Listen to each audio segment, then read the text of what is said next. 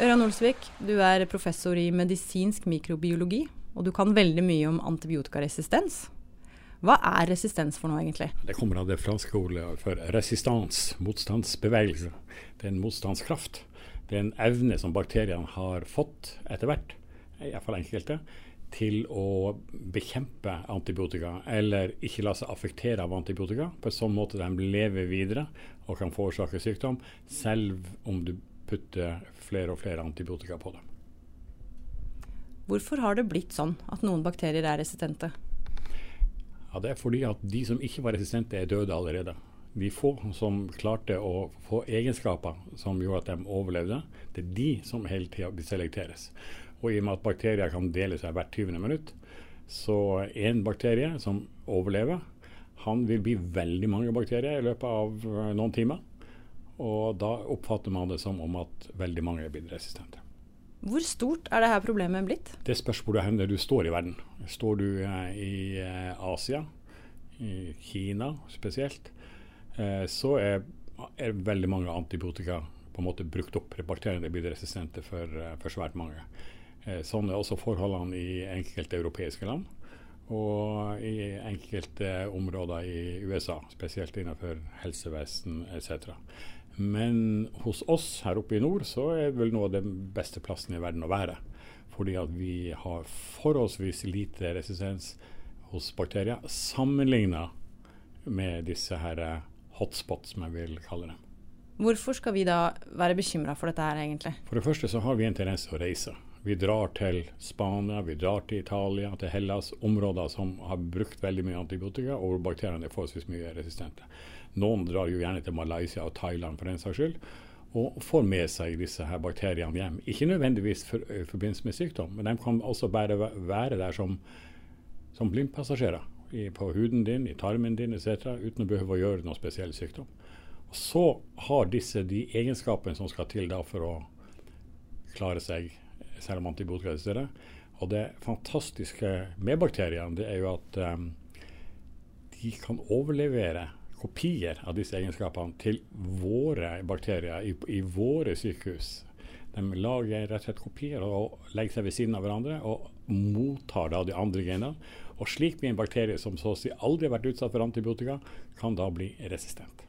Har du noen eksempler på eh, sykdommer eller tilstander som eh, ikke lar seg behandle lenger pga. dette? Det fins områder av verden hvor det fins eh, så å si ubehandlbare saker. og eh, på 80-tallet så var det en del 70-80-tallet en del gonoré i Norge, også her i Tromsø. Og den var veldig enkelt behandbar med, med penicillin.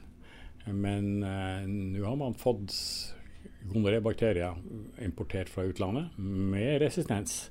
Spesielt fra eh, Thailand, vil jeg jo si, Bangkok eh, etc. Som har kommet hit og begynt å spre seg. Og de behandles eh, da ikke med penicillin lenger, for det virker ikke. Man må bruke helt andre antibiotika. Og det snakkes nå om at det finnes gonorébakterier som ikke lar seg behandle. Og dess lengre tid det tar før du blir frisk, dess større sjanse er det for at noen andre får din bakterie. Kjønnssykdommer har en tendens til å spre seg. Hvordan eh, skal vi mennesker forholde oss til dette her, da? Det aller viktigste for å redusere antibiotikabruken er jo ikke bli syk. Det vil si å holde seg frisk. Eh, spise riktig og mosjonere etc og ja, ikke bli syk. Ta alle sine vaksiner og, og sånt. Men uh, deretter så er jo som enkeltindivid og som ikke-medisinsk personell, så er det ikke så ekstremt mye man kan gjøre. Men eh, man behøver jo kanskje ikke å mase på fastlegen om antibiotika, selv om jeg er helt overbevist om at han vil ikke gi det, selv om du maser.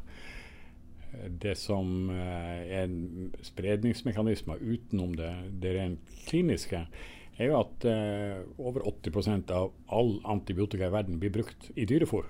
Ikke for å holde dyr nødvendigvis friske, men det også, men fordi at dyr vokser litt større hvis de får eh, antibiotika. Vokse og bli større.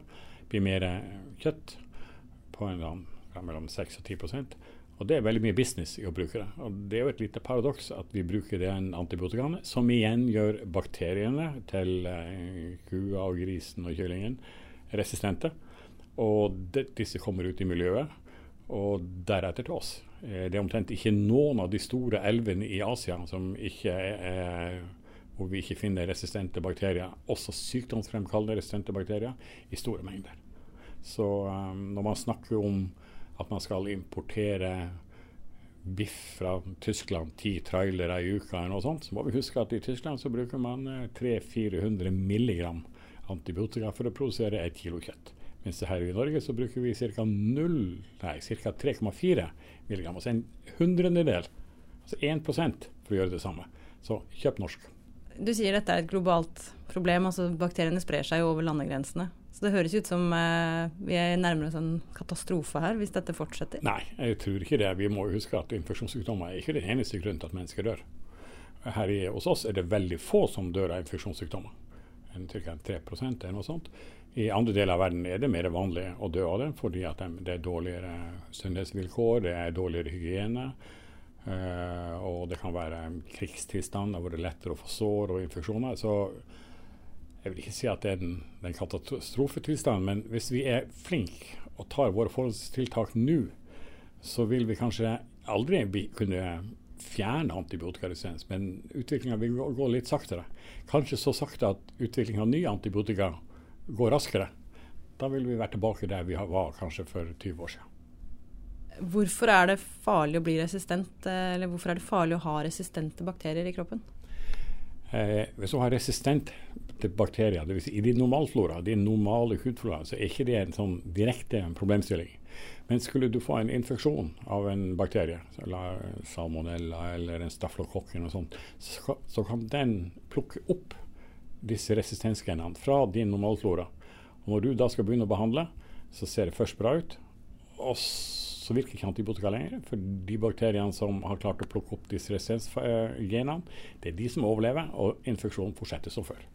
Og blir vanskeligere og vanskeligere å behandle. Kan man da dø av hva som helst, hvis man først har fått disse resistente bakteriene i seg? Nei, vi må ikke lage noe sånn, eh, sånn krisescenario rundt dette. Men uh, det er klart at, uh, at det vil bli en økt dødelighet når man ikke har antibiotika som, som, virker, eller det tar tid før det virker.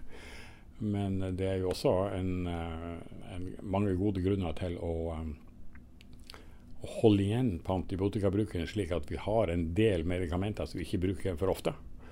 Og eh, jeg syns det er litt trist å oppleve at eh, man har brukt veldig viktige antibiotika som kloramfenikol og slike ting i fiskeoppdrett i, i, Kina, og at man har oppdaga fisk som skulle importeres til USA, hadde faktisk reststoffer av dette. Og for oss en sånn gladhistorie at alt er mulig, så brukte vi ca. 50 tonn antibiotika i 1985-87 på, som vi kasta ut i havet for å holde liv i fisken vår. Men man lærte seg at dette kan vi slutte med, fordi at vi må holde fisken frisk. Vi må vaksinere, vi må ha hygienetiltak, vi må ha masse friskvann. I dag så produserer vi 1,4 millioner tonn laks. Altså 20-30 ganger mer enn vi gjorde på, på 70-80-tallet.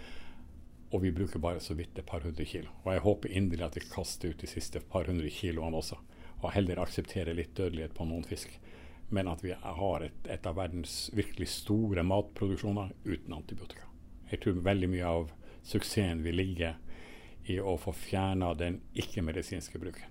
Men hvor langt er forskningen kommet på det feltet her da, i forhold til å finne nye løsninger? Nye antibiotika leter man jo etter hele tida. Men det er forskjellen på de cellene som er i vår kropp, og bakteriens, som er veldig viktig. Den, alle antibiotika er i prinsippet gift. Men hvis den er veldig lite giftig for oss, men veldig giftig for bakterier, så vil bakteriene dø.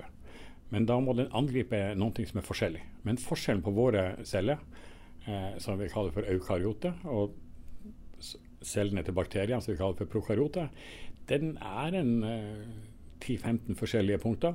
Og vi har i grunnen brukt opp veldig mange av de punktene der med spesifikke antibiotika. Så tanken på at vi skulle finne et helt prinsipielt nytt stoff, er litt vanskelig. Men derimot er vi jo begynt å blokkere resistensfaktorene. Så man laga altså ekstra medikamenter som blokkerer den, de molekylene som bakterien lager som skal ødelegge antibiotika. Da kan antibiotika virke videre. Ett sånt stoff har da fått kjempesuksess i veterinærmedisinen her i Norge. Og et annet, eller nesten det samme, bruker vi også på en del øreinfeksjoner på, på barn. Så man prøver å være smart hele tida. Hva tror du om framtida når det gjelder denne problematikken? Hvordan ser det ut om 10 år, 15 år? De fleste som sier et eller annet definitivt om fremtida, de er neppe her. Eh, enten det, eller de prøver ikke å ta ansvar for det. Eh, men hvis man ekstrapolerer de kurvene som vi har sett til nå, med utvikling, så vil den fortsette. Det vil bli mer resistens. Det vil sannsynligvis bli mer eh, sykdom relatert til resistens. Eh, men samtidig så må vi kanskje begynne å gjøre ting annerledes. Det er ikke sikkert at vi i fremtida kan gjøre, fikse knærne med å putte inn uh, nye ting ved hjelp av operasjoner. For at det vil bli infeksjoner. Vi har ikke antibiotika til å kurere det. Det er ikke sikkert at vi kan gjøre transplantasjoner av hjerter og slike ting. Og det kan hende vi må være veldig veldig forsiktige med all kirurgi. Det kan hende at det blir sånn. Jeg skal ikke prioritere at det vil bli det.